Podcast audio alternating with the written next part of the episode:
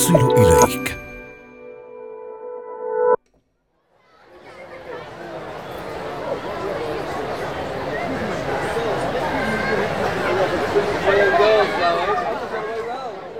الأول من سبتمبر عام 1908 على مسافة كيلومتر واحد من المسجد النبوي في المدينة المنورة في منطقة العنبرية على وجه التحديد.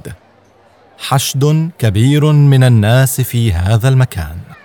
علامات الدهشة والانبهار واضحة وأمل كبير منعقد على هذا المشروع. وصل القطار بعد رحلة امتدت أربعة أيام من دمشق إلى المدينة المنورة. ترحيب حار بالقادمين على متن هذا القطار وحالة من الذوبان في مفهوم الأمة الواحدة بعيدا عن فوارق اللكنات والجغرافيا. لجنة سكة حديد الحجاز حاضرة لافتتاح المحطة واستقبال المسافرين على متن هذا القطار أيضا. المدينة المنورة مضاءة بالكهرباء لأول مرة إذ بدأ الأمر بإنارة المسجد النبوي بأمر من السلطان عبد الحميد. إذ كان العمل على مد خط كهرباء للمدينة المنورة مصاحبا لإنشاء خط سكة الحجاز وإنشاء محطة المدينة المنورة.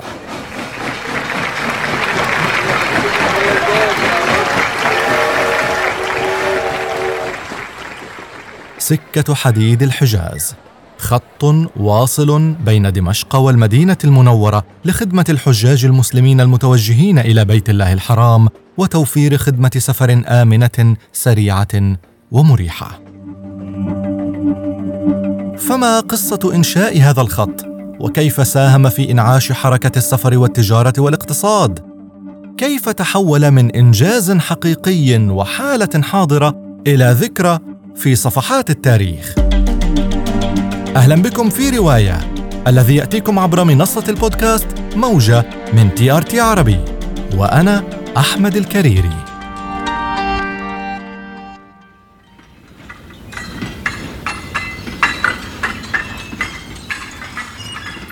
مع بدايات شهر مايو من عام 1900 الهمة عالية والطموح كبير. العمال يعملون بحماس لإنجاز هذا المشروع الذي لطالما حلم سكان ولايات الدولة العثمانية بمثله. هنا من يشارك في عمليات الحفر، آخرون قادمون من بعيد يحملون معدات وأدوات مساندة. أما هنا فأنابيب خطوط فولاذية يجري وصلها والتأكد من سلامتها. الجنود العثمانيون يشاركون في إنشاء خط السكة هذا يدفعهم حماس الشعور بوحدوية الأمة والانتماء الصادق لها.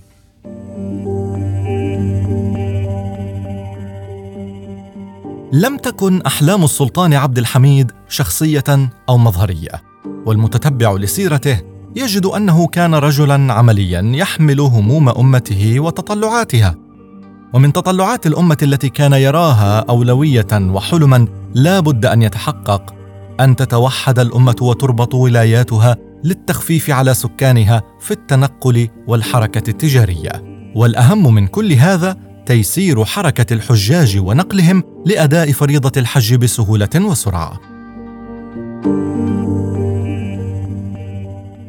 تزامنت هذه الطموحات مع أخطار كانت تهدد الدولة العثمانية خصوصا بعد تغول الإنجليز في مصر وبعض المناطق المجاورة. فورا قرر السلطان عبد الحميد أن يخطو خطوة عملية باتجاه مشروعه النهضوي المتمثل في إنشاء خط سكة حديد الحجاز. خط يربط بين الولايات والمدن والدول المختلفة من دمشق حتى المدينة المنورة. أصر السلطان عبد الحميد الثاني على أن يكون تمويل قطار الحجاز قائما على تبرعات المسلمين وألا يتدخل الأجانب في تموينها أو إدارتها. فخصصت الدولة العثمانية 18% من ميزانيتها لإنشاء الخط. إلا أن تلك النسبة اعتبرت ضئيلة عندما أعلن أن تكاليف إنشاء الخط تتجاوز ثمانية ملايين ليرة عثمانية. كانت الحاجة ماسة إلى إيجاد مصدر آخر لتمويل المشروع من دون تحميل الدولة العثمانية المزيد من الديون أو القروض الخارجية. على الفور وجه السلطان نداء إلى العالم الإسلامي من أجل التبرع لهذا المشروع الذي يخدم المسلمين وغيرهم في هذه المناطق. على الفور بدأت حملة التبرعات الأولى في مايو عام 1900 وكان السلطان عبد الحميد الثاني أول المتبرعين من جيبه الخاص بمبلغ 320 ألف ليرة عثمانية وتبرع شاه إيران بخمسين ألف ليرة عثمانية فيما تبرع خديوي مصر عباس حلمي بمواد عينية للبناء وأصدرت الدولة العثمانية طوابع يجري إلصاقها في معاملات الدولة يعود ريعها لمصلحة المشروع.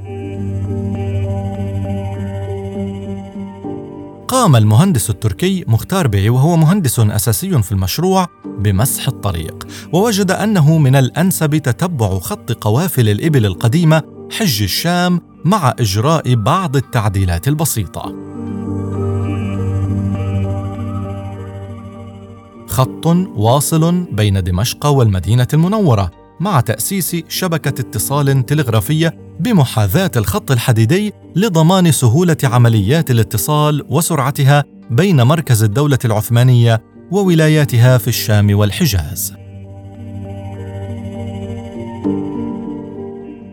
تولى منصب كبير مهندسي الأعمال الفنية مهندس ألماني يدعى هينريش ميسنر وعمل تحت قيادة هذا المهندس 34 مهندسا منهم 17 عثمانيا بالإضافة إلى مهندسين آخرين من فرنسا وإيطاليا والنمسا وبلجيكا واليونان. وصل خط حديد الحجاز إلى عمان سنة 1903 مشكلا حدثا فارقا في تاريخ المدينة مع بدايات القرن العشرين إذ إن وصول الخط وإنشاء المحطة في عمان ساهم في ازدهار المدينة وتحضرها وتحديدا في المنطقة الواقعة غربي السكة وهي المنطقة التي نشأت فيها أحياء عمان الهامة، ما يؤكد الدور الحيوي الذي لعبه هذا المشروع في إحياء المناطق التي كان يمر بها ويتوقف عندها. وصل الخط بعد ذلك إلى محافظة معان سنة 1904 لتنطلق أولى رحلات القطار بين دمشق ومعان لنقل الركاب والبضائع في الأول من سبتمبر عام 1905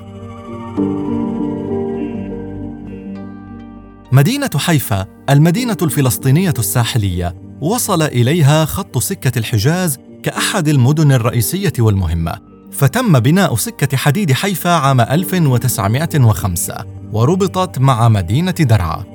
وهكذا وصل الخط الحديدي الحجازي إلى شواطئ البحر المتوسط مساهما في إنعاش الحركة التجارية والاقتصادية للمدينة وكذلك لبلاد الشام والحجاز بشكل عام. أيضا ساهم هذا المشروع في استقرار بعض القبائل البدوية فظهرت مجتمعات عمرانية وتجمعات لتلك القبائل على جانبي الخط في بعض المواقع وقد اشتغل عدد كبير منهم بالزراعة.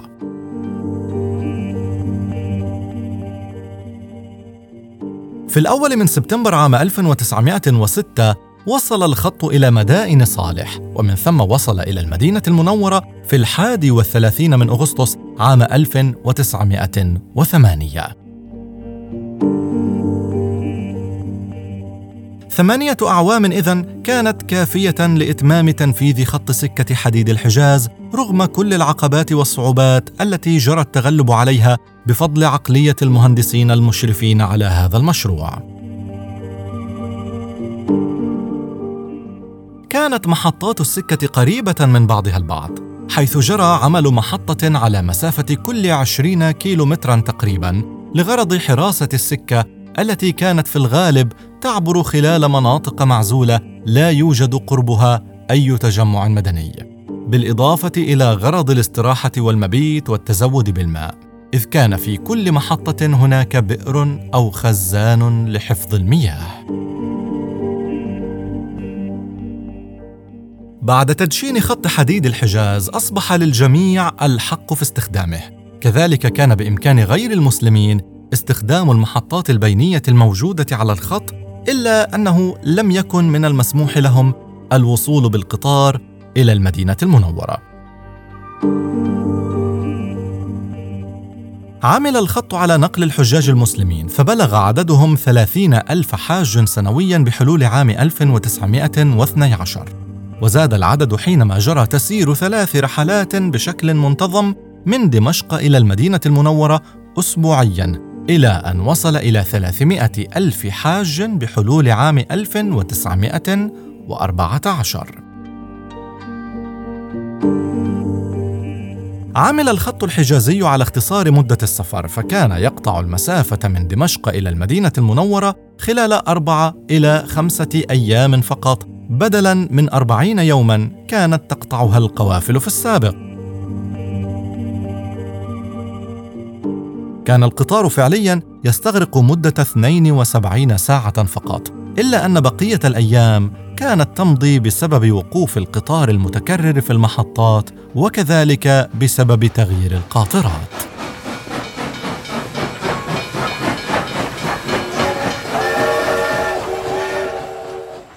استمرت سكة حديد الحجاز في العمل بين دمشق والمدينة المنورة ما يقرب من تسع سنوات استفاد خلالها الحجاج والتجار وسكان البلدان والمدن التي يربط الخط بينها. حالة من التوسع الاقتصادي والحضري بدأت تنتشر في المناطق المحيطة بمحطات خط السكة. أمل كبير لدى السكان بمزيد من الرخاء الاقتصادي وتحسن الأوضاع الاجتماعية. مع قيام الحرب العالمية الأولى استشعرت بريطانيا أن خط السكة يمثل خطرا وتهديدا على حملاتها وتحركاتها العسكرية. فبدأت حملة تحريض واسعة من قبل وزارة الخارجية البريطانية ضد الجيش العثماني. لينتهي هذا التحريض بقيام الثورة العربية الكبرى بمساعدة البريطانيين في العاشر من يونيو عام 1916 بموجب توافق بريطانيا مع العرب على قيام هذه الثورة تعاقدت الأخيرة معهم في مراسلات سرية على ضمان استقلال الدول العربية عن الدولة العثمانية في حال انضمامهم إلى الحرب. بالتوازي مع هذه الاتفاقية بين بريطانيا والعرب كانت اتفاقية سرية بين بريطانيا وفرنسا. عقدها فرانسوا جورج بيكو مع المندوب البريطاني مارك سايكس بخصوص اقتسام الهلال الخصيب وأراض أخرى تابعة للدولة العثمانية إذا ما انتهت الحرب لصالح الحلفاء على اسم هذين الشخصين بالمناسبة سميت الاتفاقية المعروفة لدينا اليوم باسم سايكس بيكو والتي رسمت حدود الدول العربية الحالية. حسنا اتفاق بين البريطانيين والعرب من جهة واتفاق آخر بين فرنسا وبريطانيا من جهة أخرى، لكن الروسيين عندما علموا بهذا الاتفاق السري بين فرنسا وبريطانيا أرسلوا على الفور إلى كل من سايكس وبيكو للسفر إلى بطرسبرغ لعرض المشروع على الحكومة الروسية. ومن هناك بدأت المفاوضات في منتصف مارس سنة 1916 وقد وافقت الحكومتان البريطانية والفرنسية على مطلب روسيا الخاص في اتفاقية الأستانة عام 1915 وهو أن تكون إسطنبول والمضايق من نصيبها بعد انتهاء الحرب. ظلت هذه الاتفاقية سرية إلى أن نشرها البلاشفة الروس في نوفمبر عام 1917 عند اندلاع الثورة البلشفية بعد العثور على نصوص الاتفاقيات في سجلات وزارة الخارجية الروسية. بعد نشر هذه الوثائق بادر العثمانيون لعقد صلح مع العرب إلا أن الحكومة البريطانية نجحت في إقناع الشريف حسين بأن العثمانيين يحاولون نشر الخلاف بين العرب والحلفاء فصدق الشريف حسين هذا ووضع ثقته بوعود الحكومة البريطانية وحلفائها.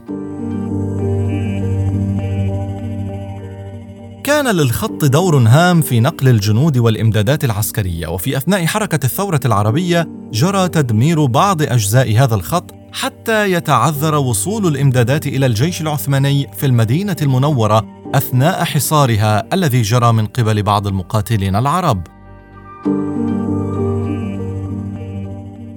في خضم هذه الأحداث لربما يستحضر بعضكم اسم هذه الشخصية لورنس العرب.